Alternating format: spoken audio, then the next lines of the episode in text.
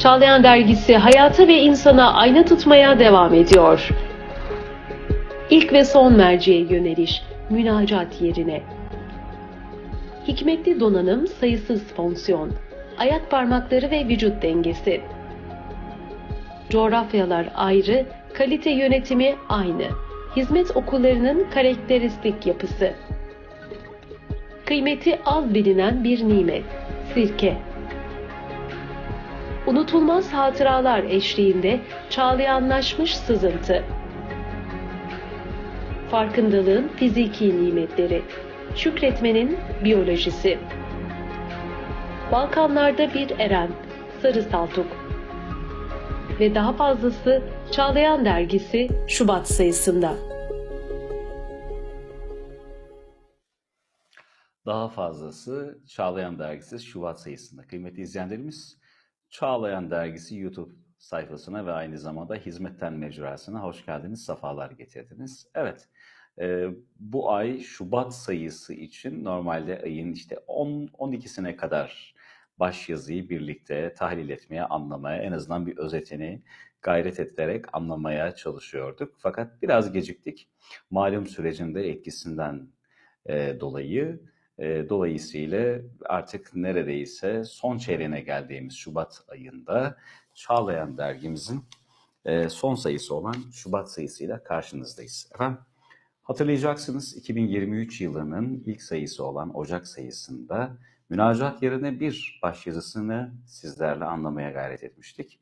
Bu sayıda münacat yerine iki yazının devamı olan, makalenin devamı olan ikiyi inşallah Allah nasip ederse bugün anlamaya gayret edeceğiz kısaca. Evet, konuğumuz Rasim Haner hocamız, ilahiyatçı Rasim Haner hocama döneceğim. Hocam hoş geldiniz efendim. Hoş bulduk, teşekkür ederim. Kıymetli hocam, e, gerek e, hizmet camiası olarak, gerek e, Türkiye halkının e, birer yurttaşı, vatandaşı ve orada doğup büyüyen dünyanın değişik yerlerindeki hizmet erleri olarak Zor bir süreci zaten 8-10 yıldır yaşıyorduk.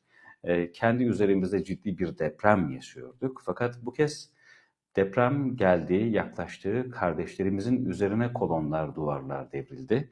Bunun da etkisiyle e, planlanmamış, e, tamamen tevafuk buyurulan bir yazıyla karşı karşıya kaldım. Bugün bir kez daha baş yazıyı e, yayın sebebiyle anlamaya gayret ederken içinde bulunduğumuz durumu gerek hem münferit olarak, şahsi olarak gerekse orta ölçekli ve büyük dairede her birimizi ilgilendiren e, kavramlar dolusu bir başyazı çıkıyor karşımıza münacat yerine iki. İçinde bulunduğumuz günleri de değerlendirerek özellikle münacat yerine ikiyi başta nasıl değerlendirirsin sonra paragraf paragraf dönelim diyeceğim efendim.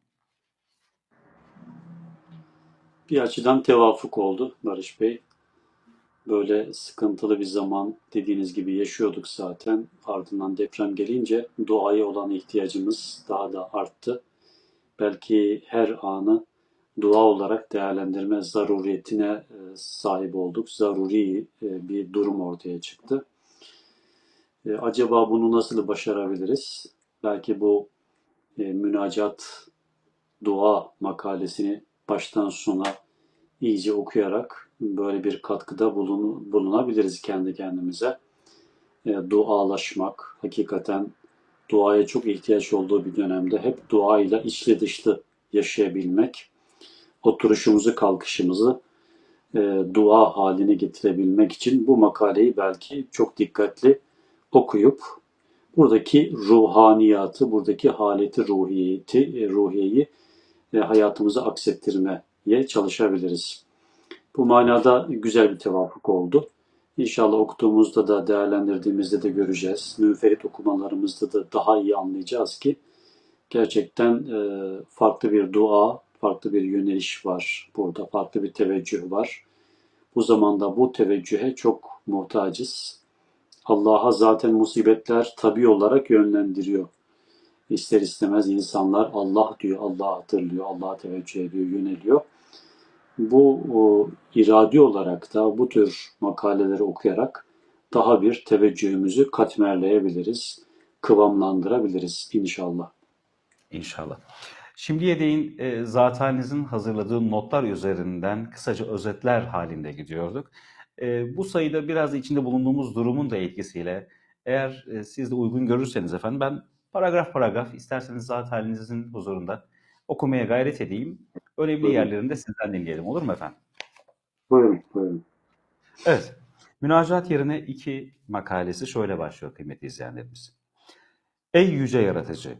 Bunca zaman yadellerde dolaşıp yabancılık yaşadıktan sonra sırtımızda yılların vebali, perişan bir dil, kırık bir kol ve kanatla nihayet kapına yöneldik. Ben de öyle sanabilirim. Bir yandan mahcubiyet yaşarken bir yandan da sana dönmüş olmanın sevinci içindeyiz. Huzuruna nasıl gelirsek gelelim gönüllerimiz seni bulmanın heyecanıyla çarpıyor ve nabızlarımız da ümitlerimizin ritmiyle atıyor. İşte böyle bir ruh haletiyle bütün duygularımızı senin hakkındaki reca ve beklentilerimize bağlayarak medet ey keremler kanı, kaçkınları affet, ihtiyaçları zaruret ke- kertesinde rahmete muhtaç olanları affet deyip inliyoruz. İlk paragraf böyle hocam. Evet, ben şunu hissediyorum Hoca Efendi'nin ifadelerinde günümüzde de birleştirerek değerlendirecek olursak biz e, pek çoğumuz belki farklı farklı e, coğrafyalarda, kültürlerde, anlayışlarda, fıtratlarda, karakterlerde belki Allah'ın kapısına çok e, gerektiği gibi teveccüh ederek yaşayamadık. Şimdi sağda solda dolaştık. Belki pek çok şeye bel bağladık, ümitlerimizi bağladık ama umduğumuzu bulamadık. Belki müstani yaşadık Allah'tan, alakasız yaşadık. Şimdi Cenab-ı Hak e, deprem vesilesiyle bizi bir kere daha kendine çekti, çekiyor, kendine yönlendirdi, yönlendiriyor. Hoca Efendi'nin buradaki ifadelerinin ışığı altında düşünecek olursak, e, ne kadar kaçkınlar gibi yaşasak da, uzakta bulunsak da ve şu anda da sebep ne olursa olsun, sebep bir deprem de olsa yeniden senin kapına geldik, yeniden seni bulduk, sana yöneldik ve bekleyeceğimizi şimdi senden bekliyoruz. Ya Rabbi hani sen diyorsun ya Kur'an-ı Kerim'inde onlara biz musibet verdiğimiz halde bile tazarru edip, yalvarıp, yakarıp Allah'a yönelmediler. Allah'tan istemediler. O musibetler bile onlara dua etme ilhamı vermedi. Allah'a yönelme ilhamı vermedi. İşte biz bu neticeye maruz kalmamak için bu musibeti değerlendirerek, deprem üzerinden bir çıkış yaparak sana yönelmek istiyoruz. Evet, belki pek çoğumuz ibadetlerimizi yapmadık. Pek çoğumuz vazifemizi yapmadık. Pek çoğumuz sensiz yaşadık. Ama deprem, felaketler bize seni hatırlattı ve biz bu vesileyle bir kere daha sana dönmek istiyoruz. Bu konuda yazıda denildiği gibi hem ümitliyiz hem de mahcubuz. Ümitliyiz zira senin kapın kimseye kapalı değil. Yani son nefeslerimizde dahi olsa sana yönelsek sen kapıyı açık bulunduruyorsun. Son dakikalarımızda bile böyle bir şansımız var bizim senin rahmetine dayalı olarak. E, Bundan dolayı ümitliyiz. Ve bir taraftan da mahcubuz çünkü bugüne kadar gerektiği gibi sana yönelemedik, dünyaya daldık, unuttuk. E, Şimdi bu felaketler, bu musibetler bize senin kapını hatırlattı. Ümitle o kapıya koşuyoruz. Ümidimizin karşılığının boşa çıkacağını da düşünmüyoruz şeklinde zannediyorum anlayabiliriz. Okuyabiliriz. Evet. Yeis ümitlerimize çelme takma peşinde, düşüncelerimiz plansızlığın cenderesinde ve hemen hepimiz müterakim ihmallerin doğurduğu bir çaresizlik içindeyiz. Kimsemiz yok diyemem. Çünkü sen varsın. Tamamen naçar kaldığımızı söyleyemem. Zira sen çaresizlerin çaresisin. Ey sevgisi bütün sevgilerin önünde sultanlar sultanı, bizi bir kere daha yakınlığına kabul buyur ve senden hususi iltifat bekleyenleri kendi uzaklıklarıyla baş başa bırakma. Bırakıp hicranla yakma. Bizden önce de binler, yüz binler kaçak yaşadı. Sonra döndü, bunlardan bazıları senin merhametine el açtı. El açtı ve başını eşeğine koyup gözyaşlarıyla içini sadece sana döktü. Sen de onların hepsini şefkat kurnalarında arındırdın, sonra da alıp hususi siyanetinde barındırdın. Bunca yıl sonra bizler de durmuş kapında senin kulların olduğumuzu mırıldanıyor, iltifatta bulunup kabul ettiklerine teveccüh buyurduğun gibi biz de bir kapı aralayıp geçin içeriye diyeceğin anı intizar ediyoruz. Diyor efendim bu paragrafta da. Şimdi Hoca Efendi'yi tahmin edebildiğimiz kadarıyla Barış Bey bu satırları yazarken ağlaya ağlaya yazmıştır. Çok hisli, çok dolu yazmıştır. Yazıdan belli oluyor. Yazıyı okurken yazının atmosferinden, renginden, e, kokusundan tabiri caizse belli oluyor. Çok içli bir yakarış var. Yani böyle e, çok günah işlemiş bir insan psikolojisiyle yani Hoca Efendi hakkında böyle düşünmüyoruz ama yazının e, karakteri böyle bir e, sultanlar sultanı karşısında çok mahcup, ezilmiş, e, günahlarla e, çok hemhal olduğundan dolayı kendini mahcup hissediyor. Yüzü yerde, e, gözyaşlarıyla dua ediyor. Elleri yukarıda, yüzü yerde. Böyle gözyaşlarıyla dua eden bir insan portresi beliriyor yazıyı okurken. Böyle bir haleti ruhiye ile yazıldığına e, ki kati inanıyorum ben. Ondan dolayı da çok tesir ediyor insana. Yaşanarak yazılmış bir yazı. Mesela deniliyor ki kimsemiz yok diyemeyiz çünkü sen varsın. Hakikaten Cenab-ı Hak kimseye kimsesizlik yaşatmıyor. Yeter ki insan yeter ki insan ona dönmesini, yönelmesini bilsin. Kapı her zaman açık dediğimiz gibi hadis-i şerifin ifadesiyle can hulkuma gelinceye kadar kapı açık. Artık Firavun'un o son anında e, yaptığı tevbe gibi bir tevbe kabul olmuyor. Neden? Artık boğuluyor, gidiyor yani öteleri görmeye başlamış. O ana gelinceye kadar kapı açık. Tevbe kapısı açık, merhamet kapısı da açık. E, o yüzden kimsemiz yok diyemeyiz. Ondan sonra çaresiziz diyemeyiz çünkü çare sensin, en büyük çare sensin. Fakat bu ümitle, bu e, beklentiyle beraber içimizde de bir burkuntu var. Mahcubuz. Yani sana karşı ayıplarımız çok oldu. Yapmamamız gerekeni yaptık. İnsanlığımıza yakışmayan şekilde davrandık belki.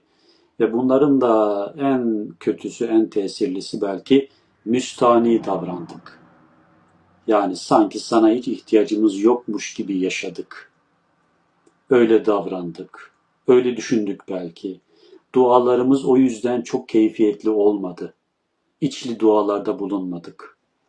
Çünkü ihtiyacımızın ne olduğunu bilmiyoruz. Ne olduğunu farkında değiliz. İhtiyacımız olduğunu da düşünmüyoruz belki. Düşünmedik yani pratik hayatta. O yüzden e, kalbimizi tam manasını, manasıyla sana yönlendirerek e, dua edemedik. İhtiyaç tezkeresiyle, ihtiyaçlarımızı bir dilekçe haline getirerek sana arz edemedik. Mesela senin huzuruna gelip de böyle ihtiyaçlarımızı tek tek sayarak senden bunun çözümlerini istemedik. Hep sebeplerde aradık belki. Sağda solda dolaştık derken bunu sebepler olarak da anlayabiliriz. Hep sağda solda dolaştık. E, sebeplere müracaat ettik. Onlardan bir şeyler bekledik. Elbette ki sebepleri kullanmamız gerekiyor problemlerin çözümü için. Ama bu sebeplerin arkasında senin olduğunu da düşünerek bu sebepleri kullanmamız gerekiyordu. Dolayısıyla sebepleri kullanırken seni unutmadan kullanmamız gerekiyordu. O sebepleri yaratan sensin, sebeplere müracaat edilmesini isteyen de sensin. Bu şuurla belki hareket etmemiz gerekiyordu ama bunu yapamadık çoğu zaman. Şimdi işte bütün çaresizlikler, bütün sebepler, bütün bel bağladığımız şeyler, güç, makam, itibar, yaş, tecrübe hepsi sıfırlandı, hepsi bitti ve biz seninle karşı karşıya kaldık. İşte bu haleti ruhiye ile bu haleti ruhiye ile yönelip e, yapılmış bir dua herhalde okurken de böyle bir haleti ruhiyeye bürünerek, böyle bir atmosferin içine girerek e, bu duayı yapabilmemiz, okuyabilmemiz gerekiyor. İnşallah. Efendim üçüncü paragraf bir formülü de içererek başlıyor. Senin kapına yönelmek, gözden günahları, gönülden pasları silmenin biricik yoludur. Kapına yönelen mücrimleri sevgi ve merhametine konuk etmek senin usulündür. Sana yönelirken yol, zadü zahiresini ve kapına dayanıp durma iradesini de yine senden bekliyoruz. İradelerimize fer, sinelerimize genişlik lütfederek bu uzun maratonu yüzümüzün akıyla bitirmeye bizi muvaffak eyle. Böyle bir lütuf yıllarından beri süre gelen bir upuzun geceyi gündüzlere çevirecek ve bize hayatın görülüp duyulması gereken öbür yüzünü de gösterecektir. İsyanlarımız dağlar azametinde, kulluğumuz ölçülere gelmeyecek kadar küçük ama sen istersen damlayı derya, zerreyi güneş ve hiçleri de cihan değer seviyelere yükseltebilirsin. Senin rahmet kazanındaki bir damla Sultan Süleymanların bütün hazinelerinden daha değerlidir. Bütün varlık senin cömertliğin sayesinde her istediğini rahatlıkla bulabilmektedir. Küçük bir teveccühün bütün dilencileri sultanlar seviyesine yükseltmeye yeter. Şimdi aç hazinelerinin kapısını ki dünya hükümdarlarının gözleri servet görsün. Saç kendi bağının güllerini ki her taraf itriyat çarşısına dönsün. Gönüllerimiz rahmetinin gazabına sebkat ettiği mülahazasıyla çarpıyor. Gözlerimiz bir ışık beklentisiyle açılıp kapanıyor. Devrildiğimiz ve bize ait her şeyi de devirdiğimiz günden beri bizi kaldırıp eski konumumuza yükseltecek inayetinin tecellisi edeceği ümidi olmasaydı asla ayakta kalamazdık. Şimdi aslında e, dua makalesi, münacat yerine makalesinin başından sonuna kadar bir iç dökme var. Bir arzı hal var. Bu arzı halin çok kendi içinde renklendiğini, şekillendiğini görüyoruz. Aynı konu etrafında dönüp duruyor ama çok farklı ve zengin ifadelerle dönüp duruyor. Bu da bir üslup. Fakat bu üslubun çıktığı yer insanın kalbi. Öyle anlaşılıyor. Yani kalp çok dolu. Aynı zamanda tefekkür dünyası da çok dolu. Akıl çok dolu. Zihinde çok e, ifade şekilleri var, kavramları var. Bu zihindeki kavramlar kalpteki aşkla, iştiyakla, Allah'a yönelme arzusuyla birleşince ortaya işte böyle güzel bir makale çıkıyor. Şiir ahengiyle ilerleyen, gerçekten kendisinde kendimizi bulduğumuz, içinde kendimizi bulduğumuz bir makale. O yüzden çok zevkli, renkli, ahenkli bir okuyuş e, gerçekleştiriyor insan bu makaleyi okurken. Burada e, deniliyor ki senin kapına gelen kimseyi sen kovmuyorsun. Her zaman o e, sevgi ve merhametinle muamele ediyorsun. Gerçekten böyle mi? Hayatta biz bunu rahatlıkla anlayabilir miyiz? Biz bunu rahatlıkla anlayabiliriz ama yapmamız gereken şu, bu teveccühü önce bizim bir gösterebilmemiz lazım. Allah'a yönelebilmemiz lazım. Allah'ın kapısı her zaman açık. Allah'ın vericileri tabiri caizse her zaman açık. Allah sinyalleri her zaman gönderiyor, ilhamları her zaman gönderiyor. Esintiler bir e, seher esintisi gibi bize doğru her zaman geliyor. Fakat biz alıcılarımızı kapatmışsak, kapıları kapatmışsak, pencereleri kapatmışsak, dönüp de ne geliyor diye yukarıya bir bakmıyorsak alamıyoruz demektir. İstifade edemiyoruz demektir. Yani başımızın üstünde bir şemsiye var, etrafımız kapalı, yağan yağmurdan istifade edemeyiz. Etmek istiyorsak bütün kalıpları kırmamız gerekiyor, etrafımızı yıkmamız gerekiyor. E, hatta sıyrılmamız gerekiyor bütün giyimlerden, kuşamlardan. Tamamen yağmura, yağmurun kaynağına yönelmemiz gerekiyor. Şimdi bu elbise nedir? Kırmamız gereken şeyler nedir? İşte yeterlilik elbisesi mesela. İstina elbisesi, kalıbı mesela. Ondan sonra her şeyin sebepleri planında ilerliyor olması kalıbı mesela. Bunları kırmayınca etrafımızda. ondan sonra ihtiyacımızın olmadığı düşüncesi ve ihtiyacımızı her halükarda, her yönden giderebilecek bir zatın, bir yaratıcının olduğunu düşünme, düşünememe meselesi. Bunlar bir kalıp olarak insanı sıkıştırıyor. Madde her şeyin e, önünde gözümüze takılan bir şey. Maddeye takılıyor. Maddenin ötesini düşünememe gibi bir kalıp, şekil oluşuyor insan etrafında ya da zihin dünyasında. Bunlar olunca bu kalıpları e, kıramayınca işte Cenab-ı Hakk'a gerçekten yönelmek istediği, yönelmemiz gerektiği gibi yönelemiyoruz. Öyle olunca da Allah'tan bize gelecek olan şeyleri alamıyoruz. Önce ona yönelmeyi bilebilmemiz lazım, düşünebilmemiz lazım. Bunun nasıl olduğunu anlayabilmemiz lazım. İşte bu makale cümle cümle yönelişin nasıl olacağıyla alakalı bir örnek sunuyor bize. İçimizin Allah'a karşı nasıl olması gerektiğiyle alakalı bir örnek sunuyor bize. Mesela şu cümle. İsyanlarımız dağlar azametinde. Bir defa insanın Allah'a karşı e, şöyle böyle büyük küçük işlediği günahların ne kadar insan açısından büyük olduğu meselesi. Günahları küçümseyebiliyoruz biz. Gözümüze çok büyük görünmeyebiliyor. Ya da günah işlediğimizde bunun karşılığında Allah karşısında bir mahcubiyet hissetmeyebiliyoruz.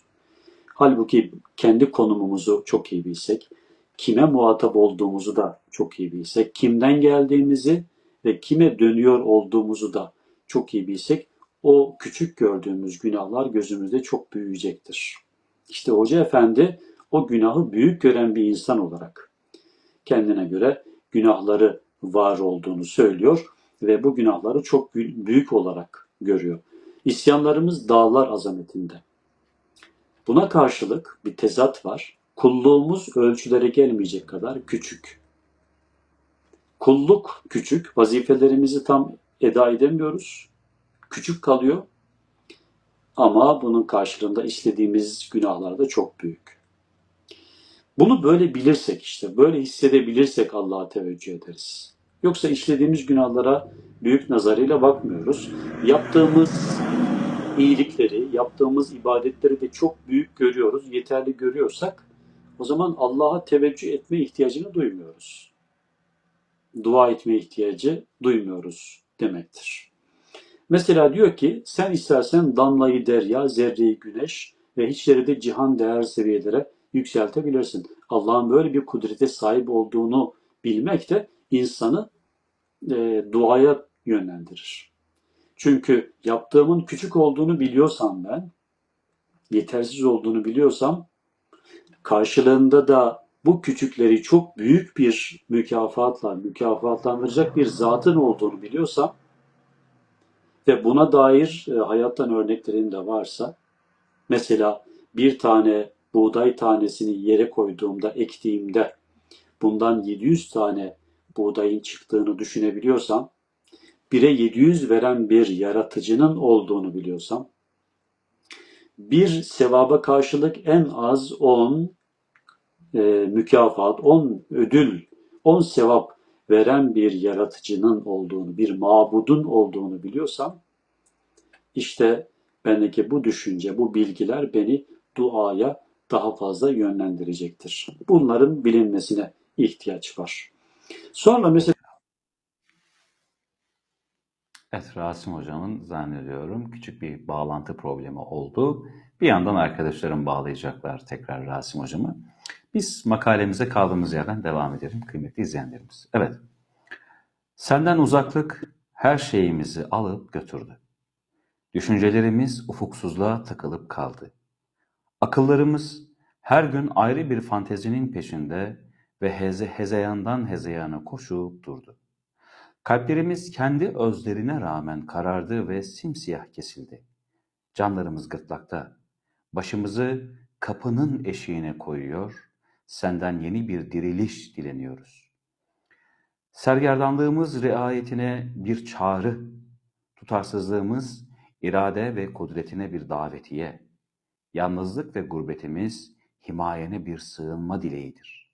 Bizi maiyetine yükselt, ve yakınlığınla şereflendir. Bu beşinci paragrafta kıymetli izleyenlerimiz. Beşinci paragrafta kıymetli hocam siz o arada küçük bir iletişim problemi yaşadınız. Burada şu cümleyi tekrar bir zat halinize de tekrar bir sunmak isterim. Sergerdanlığımız riayetine bir çağrı, tutarsızlığımız irade ve kudretine bir davetiye, yalnızlık ve gurbetimiz himayene bir sığınma dileğidir. Bu, bu cümleyi özellikle biraz daha paragrafın e, önemli bir noktasına taşıyarak bu paragrafta neler buyurursunuz efendim bizlere? Duanın aslında e, önemli psikolojik yönlerinden birisini burada görüyoruz. Hoca Efendi itiraf ediyor. İtiraf etmek Cenab-ı Hakk'ın rahmetini çekmeye, celbetmeye bir vesile. Mesela sergerdanlık diyor. Yani e, başıboş yaşıyoruz, kopuk yaşıyoruz, e, etten kemikten varlıklarız, maddeye takılıp kalıyoruz, kendimize takılıp kalıyoruz ve bir türlü seninle kurulması gereken irtibatı kuramıyoruz diyor.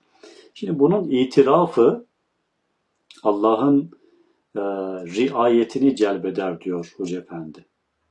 Riayetine bir çağrıdır. Riayet gözetmek demek. Yani bizi, bizi gözet ya Rabbi. Bizi gözet diyoruz. Neden? Çünkü halimiz sana ayan. E, halimiz çok perişan. Bunu itiraf ediyoruz. Gözetilmeye çok muhtacız. Biz bizim gözetilmeye muhtaç halimizi tam idrak edemesek de sen bunu görüyorsun. O yüzden bizi gözet. O yüzden bize riayetini lütfet diyoruz. Tutarsızlığımız irade ve kudretine bir davetiye. Yani o kadar çalkantılı bir hayat yaşıyoruz, gelgitler yaşıyoruz ki, o kadar kendi içimizde tezatlar yaşıyoruz, tutarsızlık yaşıyoruz ki, yani senin iraden, senin kudretin olmadan biz sırat-ı müstakimi tutturamayız, bulamayız, hidayet üzere yaşayamayız.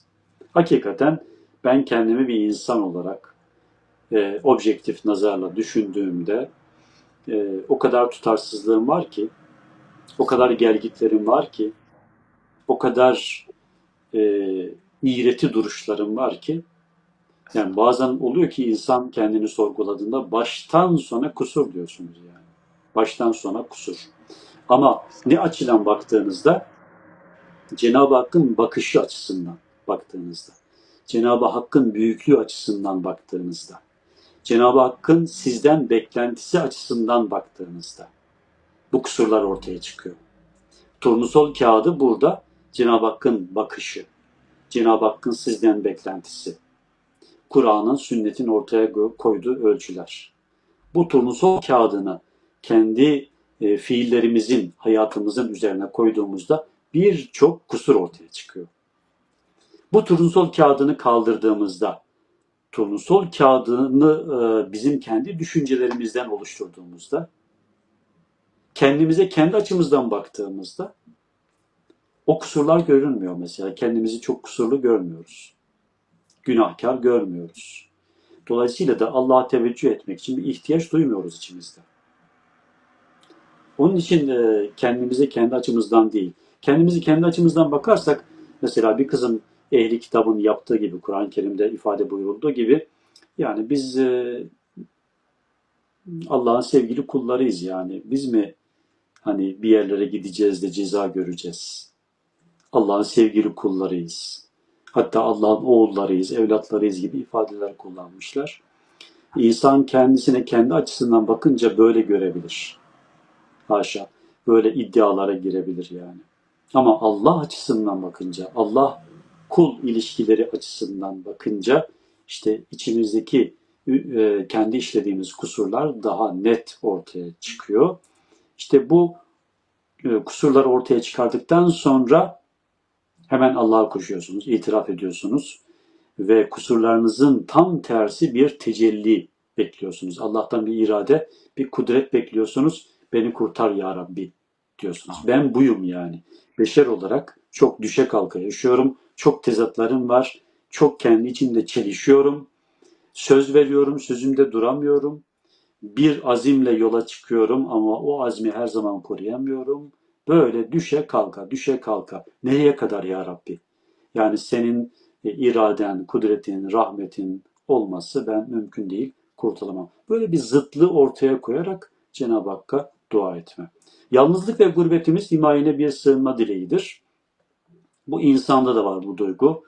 Hani e, himayeye muhtaç bir insanı görünce daha fazla kolumuzu, kanadımızı gerip böyle onu korumak istiyoruz. Daha çok yardım etmek istiyoruz.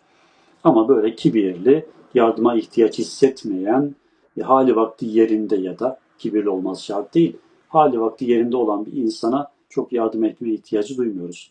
Bunun, bu tecellinin Cenab-ı Hak'taki e, hali işte muhtaç bir insan, muhtaç olduğunu düşünmese bile ama e, halen muhtaç, görünüşte muhtaç, yaşayış itibariyle muhtaç böyle bir insanı Cenab-ı Hakk'ın rahmeti coşmaya hazırdır. Sadece insandan azıcık bir teveccüh, bir yöneliş istiyor Cenab-ı Hak belki. Yani tamamıyla o tazarruyu, o yönelişi ortaya koyamasak bile yüzde yüz, yüzde otuz bile olsa bu Allah'a bir yöneliş olduğunda Cenab-ı Hak o yüzde otuz yönelişi yüzde yüz bir yönelişmiş gibi e, kabul ediyor ve rahmetini, kudretini, iradesini, himayesini e, ona göre coşturuyor ve üzerimize yağdırıyor. Böyle bir tezatlık üzerinden, zıtlık üzerinden ya da Cenab-ı Hakk'a teveccüh de demek ki duada bir yöntem diye anlayabiliriz. Evet. Ey merhametliler merhametlisi! Halimizi sadece sana açıyor, içimizi yalnız sana döküyor ve son bir kere daha en içten iniltilerle engin rahmetinin kapısını tıklatıyoruz, tıklatıyor ve medet ey kafile salar rusul huz biyedi diyoruz. Medet ey gizli açık her halimizi bilen. Medet ey hayat ve kaderimize hükmeden. Medet ey ilk kapı ve ilk son merci. Senden ayrı düştüğümüz şu meş'um dönemde hiç kimse imdadımıza koşmadı. Feryadımızı duyup şefkatle el uzatan da olmadı. Hep hicranla inledik ve hasretle yutkunup durduk.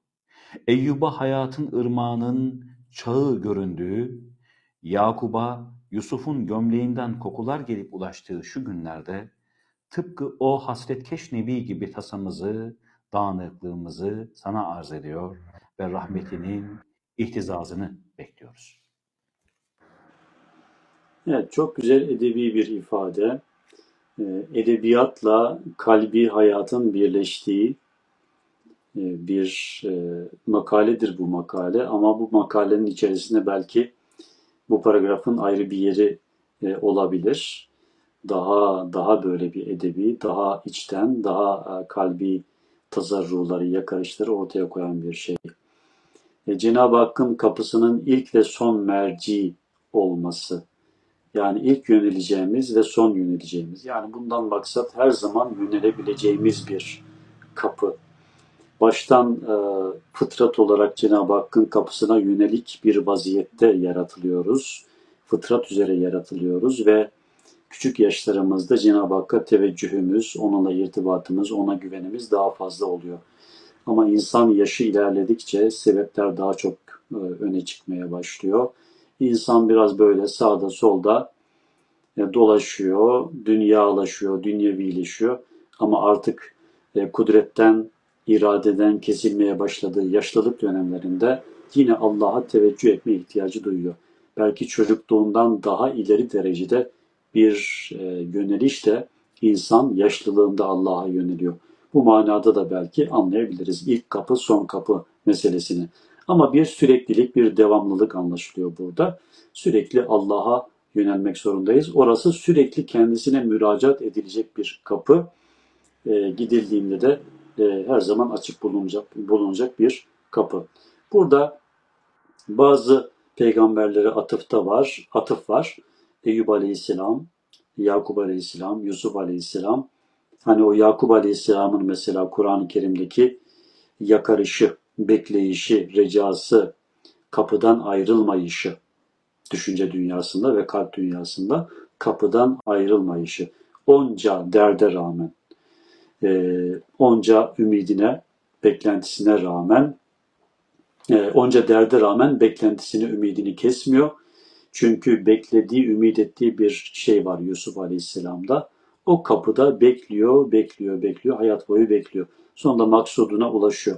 Herhalde e, bu haliyle Yakup Aleyhisselam Cenab-ı Hakk'ın kapısında nasıl bir sabırla beklememiz gerektiğini örneklendiriyor bize. Evet öyle beklemeli ki hayatımızın sonuna kadar. İşte bu beklemeyi biz acaba yapabildik mi? Yapabiliyor muyuz? Her halükarda kapıda durabiliyor muyuz? Allah'tan böyle bir ümit içerisinde miyiz? İşte şu ya, e, sıkıntılı, şu acılı günlerimizde millet olarak ve pek çok insan aynı sıkıntıları yaşıyor. Sadece Türkiye itibariyle, Türk milleti itibariyle değil, pek çok millet, topluluk e, aynı sıkıntıları, acıları yaşıyor. Acaba bu sıkıntılar içerisinde Cenab-ı Hakk'a, Cenab-ı Hakk'ın istediği bu e, teveccühü gösterebilecek miyiz? Burada belki işte Yakup Aleyhisselam'ın e, duruşu bize bir örnek oluyor. Efendimiz Aleyhisselatü Vesselam Efendimiz Aleyhisselatü Vesselam tabi e, her şeyin başında bize örnek oluyor. O kapıdan hiç ayrılmamış, o kapıdan hiçbir zaman ümidini kesmemiş, öyle bir hayat yaşamış, yaşadığı hayat ortada. Demek ki özellikle sıkıntılı zamanlarda o peygamberleri birer vesile ve örnek edinerek o kapıya yine dönmemiz gerekiyor. Evet. Evet. Bir diğer paragrafa efendim izninizle geçeceğim. Aslında herkesin kapılarını yüzümüze kapadığı ve çığlıklarımıza kulaklarını tıkadığı dönemlerde dahi senin kapıların müracaat eden herkese açık. Lütuf ve ihsanların sağanak sağanak teveccühlerin de başımızın üzerindeydi. Yoldan çıkan biz, yolsuzluk yaşayan biz, ufkumuzu karartan da bizdik. Ey bizi hiçbir zaman terk etmeyen Rabbimiz! Şu renk atmış simalarımıza, şu tekleyen nabızlarımıza, şu ritmi bozulmuş kalplerimize ve şu yürekler acısı halimize merhamet buyur da, içinde bulunduğumuz kahredici şu sıkıntılardan bir çıkış yolu göster ve dirilmemize izin ver. Çaresizlikle kıvranırken dahi ümitle çarpan sinelerimize, yaşlarla dolan gözlerimize, hacaretle kızaran yüzlerimize, şefkatle teveccüh buyur, bir kez daha kapı kullarına bağışla. Evet hocam. Şimdi aslında Barış Bey bu e, his dolu, teveccüh dolu, kalp dolu, ruh dolu cümlelerin üzerinde konuşmak aslında zayit oluyor biraz. Biraz fazla oluyor yani gereksiz de olabilir. Ya da şöyle diyelim hani konuşmanın, müzakerenin de e, hakkını bütün bütün kenara atmayalım. Ne desek bu cümleler üzerinde eksik kalır. Çünkü bunlar gerçekten e, hissedilerek, yaşanarak yazılmış, hissedilerek ve yaşanarak okunması gereken cümleler. E, sakin bir kafayla gerçekten oturup kendimizi işin içine katarak e, bu cümleleri kalbimizden çıkıyor gibi kabul ederek böyle okumamız lazım yani. Sadece okusak bu makale baştan sona zaten bizi abad eder, ihya eder, canlandırır, olmamız gereken çizgiye getirir. E, ama böyle e, gerçekten kalpten yöneleceğiz, sakin bir zihin ve kalple okuyacağız, kendimizi işin içine katacağız, sanki bunları ben yazmışım gibi ben, ben okuyacağım. Bu şekilde çok daha güzel anlaşılır. Ama biz e, işte e, bir program çerçevesinde konuyu değerlendirmeye çalışıyoruz. Sadece aslında yaptığımız bir şey, yaptığımız şey e, bir dikkat çekmeden ibaret. Şimdi hacalet var, mahcubiyet var. Bunu günümüzün insanı fazla bulabilir. Bu paragraf vesilesiyle dikkat çekmek istediğim bir şey bu. Ee, hani günümüzün insanı çok fazla kendini nazara verme düşüncesine meyilli. Başarı çok ileride, başarı düşüncesi, başarı hedefi çok ileride. Madde çok ileride, egolar, enaniyetler çok ileride. Öyle bir asırda yaşıyoruz yani. Seyircilerimizi tenzih ederim. Ama yaşadığımız çağın genel rengi bu. Sonra e, bizi dünyaya çeken, çağıran çok şey var. Ee, tekniğin, teknolojinin ilerlemiş olmasıyla beraber kendimizi çok daha fazla güçlü hissediyoruz günümüz dünyasında.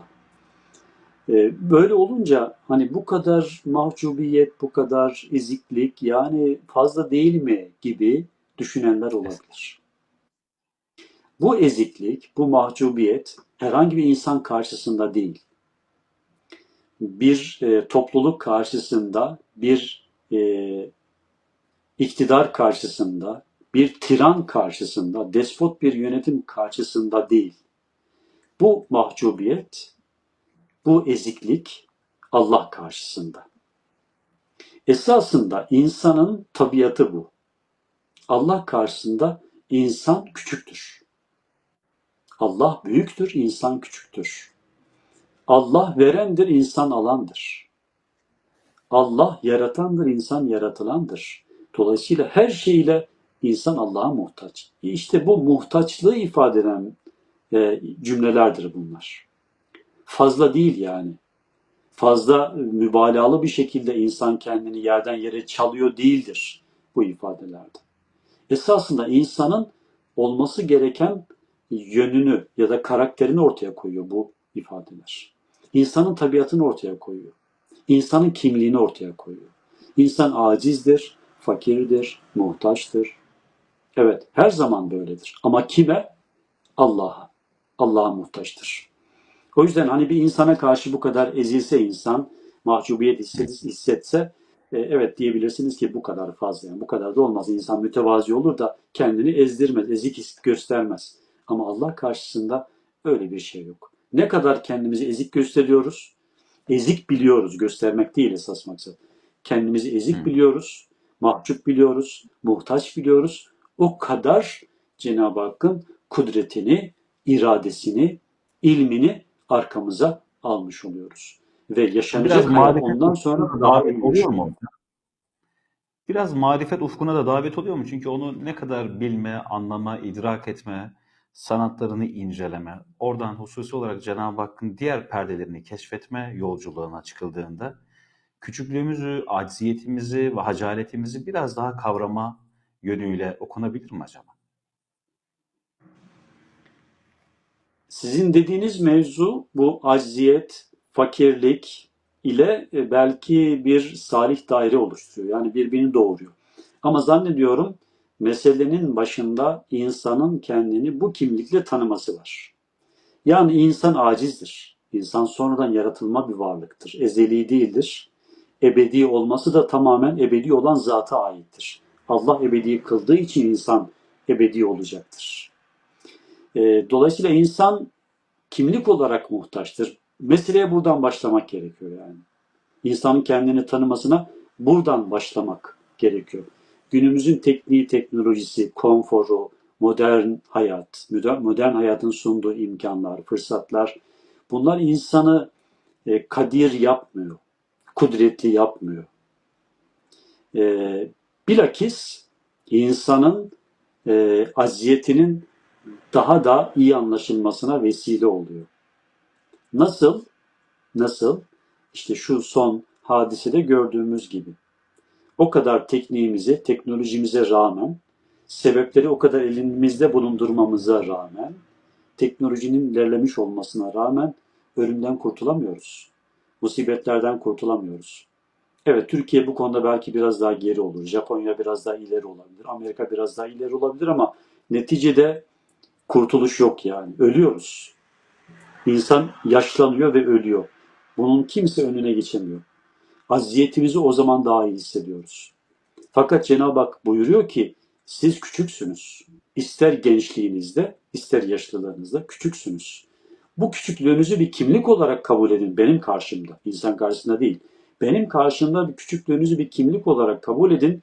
Bunu itiraf edin, bunu şuuruna varın. Bana teveccüh ederken öyle teveccüh edin. Kendinizde bir gram kudret görmeden bana teveccüh edin. Bir gram İlim görmeden bana teveccüh edin. İlim sahibi olun. Kudretli olmaya çalışın. İradenizi sonuna kadar kullanın. Ama benim karşımda herhangi bir irade, bir kudret, bir ilim iddiasında bulunmayın. Aczinizi itiraf edin. diyor Cenab-ı Hak. Hem muamelesiyle hem Kur'an'ın beyanlarıyla hem de Efendimiz Aleyhisselatü Vesselam'ın e, yaşadığı hayat örnekliğiyle. Fakat biz Cenab-ı Hakk'ın karşısındaki aczimizi bütün varlığımızı ortaya koyduğumuzda anlıyoruz Barış Bey. Bu bir tezat gibidir. Bir paradoks oluşturabilir ama tezat değil. Hakikatin kendisi. Bütün kimliğimizi, bütün kudretimizi, ilmimizi ortaya koyduğumuzda kendi sınırlarımızı görmüş oluyoruz. Kendi sınırlarımızı görünce Allah'ın sınırsızlığını idrak etmeye başlıyoruz yavaş yavaş. Dolayısıyla dediğiniz şey yani kendimizi tanımaya başladıkça Allah'ı tanımaya başlıyoruz. Allah'ı tanıdıkça kendimizi daha iyi idrak ediyoruz şeklinde sanki böyle birbirini doğuran bir salih daire var kendimizi tanımayla Allah'ı tanıma arasında. Ama mesele İnşallah. daha ziyade insanın kendini tanımasıyla başlıyor. İnşallah efendim. Evet son iki paragraf kıymetli hocam. Biz münacatımıza, duamıza bir de külliyet kesbetmesi namına bu programda özellikle hasreten bir dua programı gibi de bakıyorum. Sadece bir anlama değil. Çünkü Evet. içinde bulunduğumuz şu süreç hakikaten şu cümlelerin her birinin kat be kat ne kadar büyük bir ihtiyaç olduğunu bir kez daha gözler önüne seriyor. Problemlerimizin bütün bütün çözülmez bir hal aldığı, işlerimizin her gün biraz daha çetrefilleştiği, yapma teşebbüslerimizin bile yıkımlara sebebiyet verdiği ve iç içe yanlışlıklar ağına takılı kaldığımız bir kapkara zamanda ey her halimize nigahban olan Efendimiz, ruhlarımıza, zatına sığınma ihtiyacını tam duyur. Gönüllerimizi yakarış hissiyle coştur. Solgun ve tadı tuzu kalmamış dualarımızı hususi teveccühlerinle renklendirerek onları kabul ufkuna ulaştır. Acizlere, fakirlere, muhtaçlara ve ihtiyaçları zaruret çizgisinde bulunanlara iltifatın türünden bizleri de teveccühlerinle sevindir. Ve bu biçarelere çare ol. Kurtuluşumuz senin hususi iltifatına kalmış. Ümidimiz sensin. Beklentilerimiz de sendedir. Evet, yine hissedilerek, e, yaşanarak yazılmış ve okunması gereken bir paragraf. Burada sadece bir iki noktaya dikkat çekmek istiyorum. Efendimiz diyor e, Hoca Efendi Cenab-ı Hakk'a hitaben. Bu Kur'an-ı Kerim'de Mevlana şeklinde geçer. Yadırganmaması lazım yani Kur'an'i bir ifadedir. Mevlana Cenab-ı Hakk'a e, hitaben söylenilen bir e, hitap. Ente Mevlana fansurna diye dua ediyoruz. Mevla işte sahip, efendi manasında kullanılıyor. Peygamber Efendimiz Efendimiz dediğimiz gibi Cenab-ı Hakk'a da e, Efendimiz denebiliyor ama çok yaygın değil tabii bu kullanış. Burada belki de Hoca Efendi çok nadir kullanımlarından birisini yapıyor Efendimiz. Bir sığınmanın ifadesi yani öyle bir efendi, öyle bir sahip ki her şeye kudretli, her şeye sahip, her şeyi biliyor. İşte öyle bir kapıya sığınmanın e, doğurduğu bir ifade tarzı bu. Sonra e, gönüllerimizi yakarış hissiyle coştur cümlesi bana Hazreti Ömer Efendimizin bir sözünü hatırlattı. Hazreti Ömer Efendimiz buyuruyor ki dua ettiğimde duama cevap verilmeyeceği korkusunu yaşamıyorum ben. Allah mutlaka dualara karşılık verir, icabet eder, kabul eder. Ancak ben duaya olan iştiyakımın sönmesinden korkuyorum. Korkacağımız şeylerden bir tanesi belki bu. Belki de pek çoğumuzun maruz kaldığı e, akıbetlerden bir tanesi bu. Duaya olan iştiyakın sönmesi. Dua etme ihtiyacı hissetmemek. Ağlamayan bebeğe emzik vermezler. Ee, sözümüz var malum. Ağlamayan insana da Cenab-ı Hak teveccüh etmez. Yani ağlamayan, sızlanmayan, Cenab-ı Hakk'ın huzuruna varıp ısrarla dua etmeyen, oradan beklentilerle o kapıya yönelmeyen insana Cenab-ı Hak kapılar açmaz. Kapılar açık aslında işte o kapıların, kapılardan akıp gelen şeylerin bize ulaşması için bizim kapılar açmamız lazım. O da yakarış, dua, teveccüh şeklinde oluyor. En sonunda da diyor ki ümidimiz sensin, beklentilerimiz de sendendir. Yani hususi iltifattan bahsediyor. Kurtuluşumuz senin hususi iltifatına bağlı. Aslında kendimize bağlamıyoruz yani meseleyi.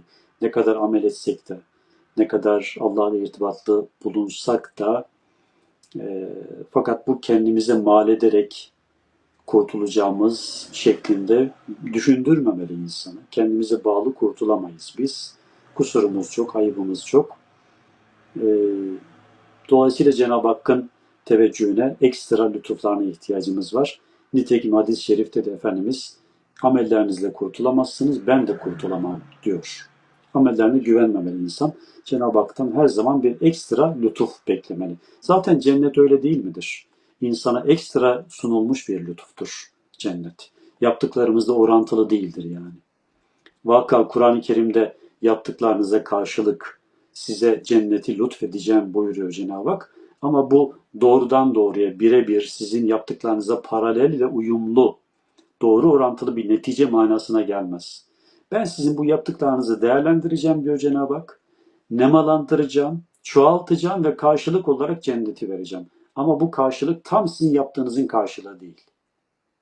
Birebir uyumsuzluk var çünkü. Yani 15-20 yıllık bir ibadet hayatıyla, bir kulluk hayatıyla mükellefiyet e, içerisinde geçen zamanları düşünürsek e, buna karşılık ebedi bir hayat e, birebir şey olamaz. Karşılık olamaz. Doğru orantılı değil yani bu. Ama ben sizin yaptığınıza karşılık derken sizin aldığınızı, yaptığınızı alacağım, onu nemalandıracağım, benim rahmetimi et, ekleyerek rahmetimin neticesinde size sürpriz neticeler yaşatacağım manasında anlaşılması lazım. Evet, yaptıklarımız Allah'ın rahmetine bir davetiye olsa bile biz tamamen neticeyi Cenab-ı Hak'tan bekliyoruz. Allah'ın rahmetinden bekliyoruz. Hususi iltifatını bekliyoruz.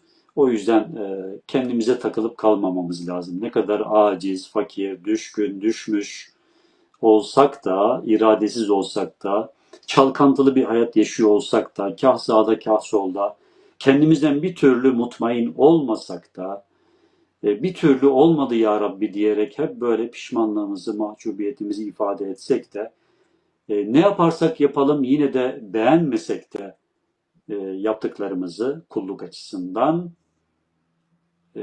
bütün bunları bir sadece bir küçük daveti olarak görmek istiyoruz. Esas bunların ötesinde senin rahmetinin coşacağını, bizi bulacağını ümit ediyoruz ve bütün beklentilerimiz senden ya Rabbi diyerek noktalıyor meseleyi ve son paragraf. Evet son paragraf kıymetli hocam. Hatalarımız bütün denizleri kirletecek kadar cesim ve ürpertici. Sana karşı tavırlarımız mahvolmuş kavimlerin hallerinden birkaç kadem daha ileri. Kalbi, ruhi hastalıklarımız cüzdandan, kanserden daha amansız. Dertlerimizi dergahına açıyor, dermanı da senden ümit ediyoruz. Sen kimsesizler kimsesi ve bizlerin melceğisin. Senden başka ilah yok ki ona el açıp yalvaralım. Kapından gayrı kapı yok ki varıp ona dayanalım. Senden başka sığınak bilmiyor, senden başka güç ve kuvvet tanımıyoruz. Gören, bilen, duyan sadece sensin. Aç ufkumuzu ve bizi ve bize kendimiz olma idrakini lütfeyle. Amellerimizi ihlasla derinleştir ve ümitlerimizi de yesin insafsızlığına bırakma diye noktalanıyor hocam. Amin. Amin. Aslında bu, e, bu ifade tarzı, bu dua, bu şekilde aziyet, fakriyet ifade ederek Cenab-ı Hakk'a yalvarma tarzı sadece Hoca Efendi'ye ait bir tarz değil. E, Kulubu Dariya isimli dua kitabımız var malumunuz. Oraya bakıldığında, tercümesine de bakıldığında görülüyor ki bütün Allah'ı tanımış insanlar böyle dua ediyorlar.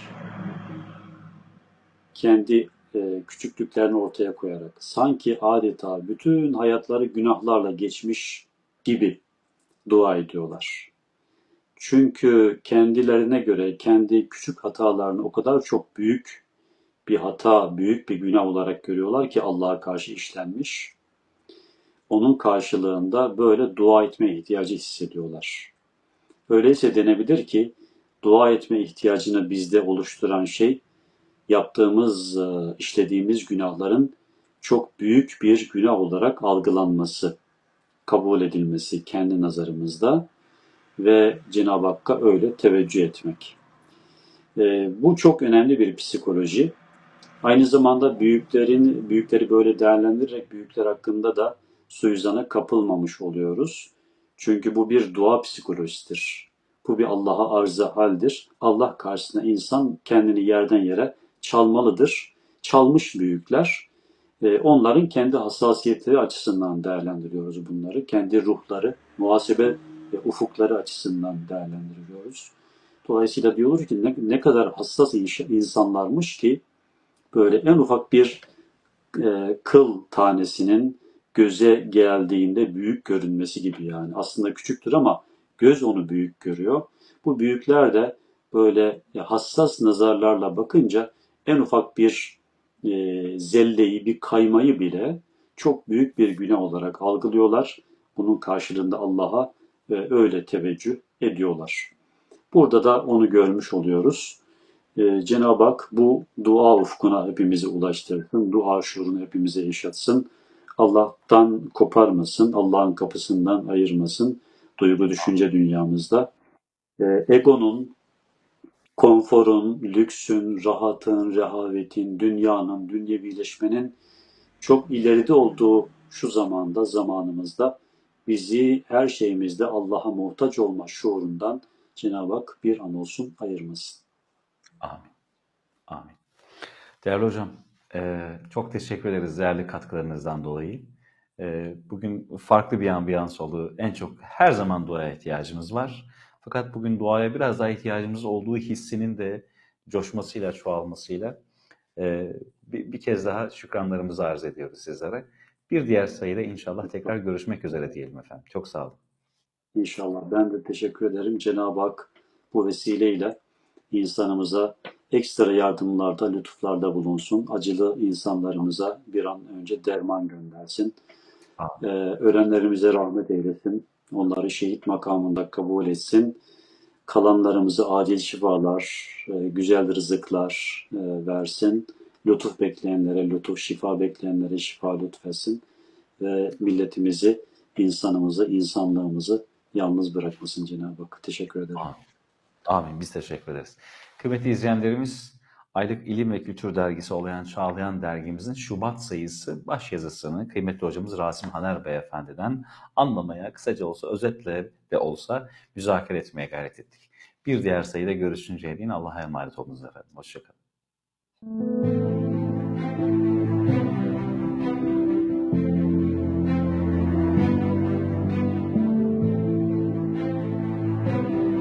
Tebessümünüz hiç eksik olmasın. Hayalleriniz gerçek olsun.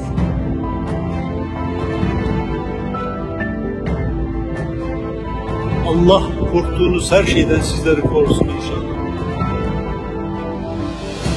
Dünya küsmeye darılmaya değmez.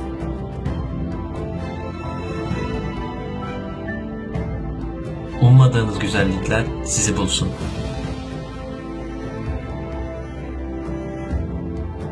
Tekrar yeniden başlıyoruz.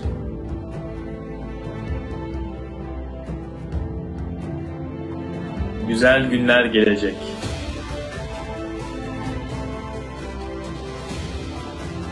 Yeniden başlamak, yeniden doğmak gibi. Bir nefes sağlık, bir dünya mutluluk. Bu yılda gösterdiğiniz ilgi ve desteğe layık olmaya çalışacağız. Yepyeni makalelerle yolunuza ışık tutacağız. Biz büyük bir aileyiz. Varlıkta ve darlıkta beraberiz, biriz. Hepinizi seviyor, teşekkür ediyoruz. Hepimiz.